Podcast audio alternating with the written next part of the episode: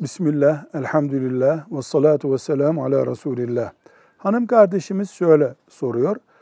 Makyaj yapmak haramdır diyorlar, doğru mu? Bu kelime bu şekilde kullanıldığında bu soru yanlış bir sorudur.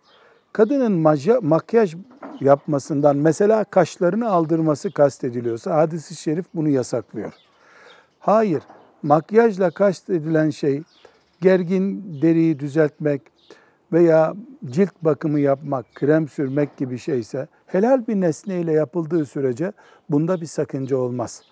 Eğer makyaj yapmakla namahrem erkeklerin daha fazla dikkatini çekecek bir şey maalesef veya yani Müslüman bilmeden yapacak manasında böyle bir şey olacaksa elbette bu da caiz değil. Ama bunun dışında bayanın makyaj yapması ya da cilt bakımı yapması dinimizin yasakladığı bir şey değildir. Velhamdülillahi Rabbil Alemin.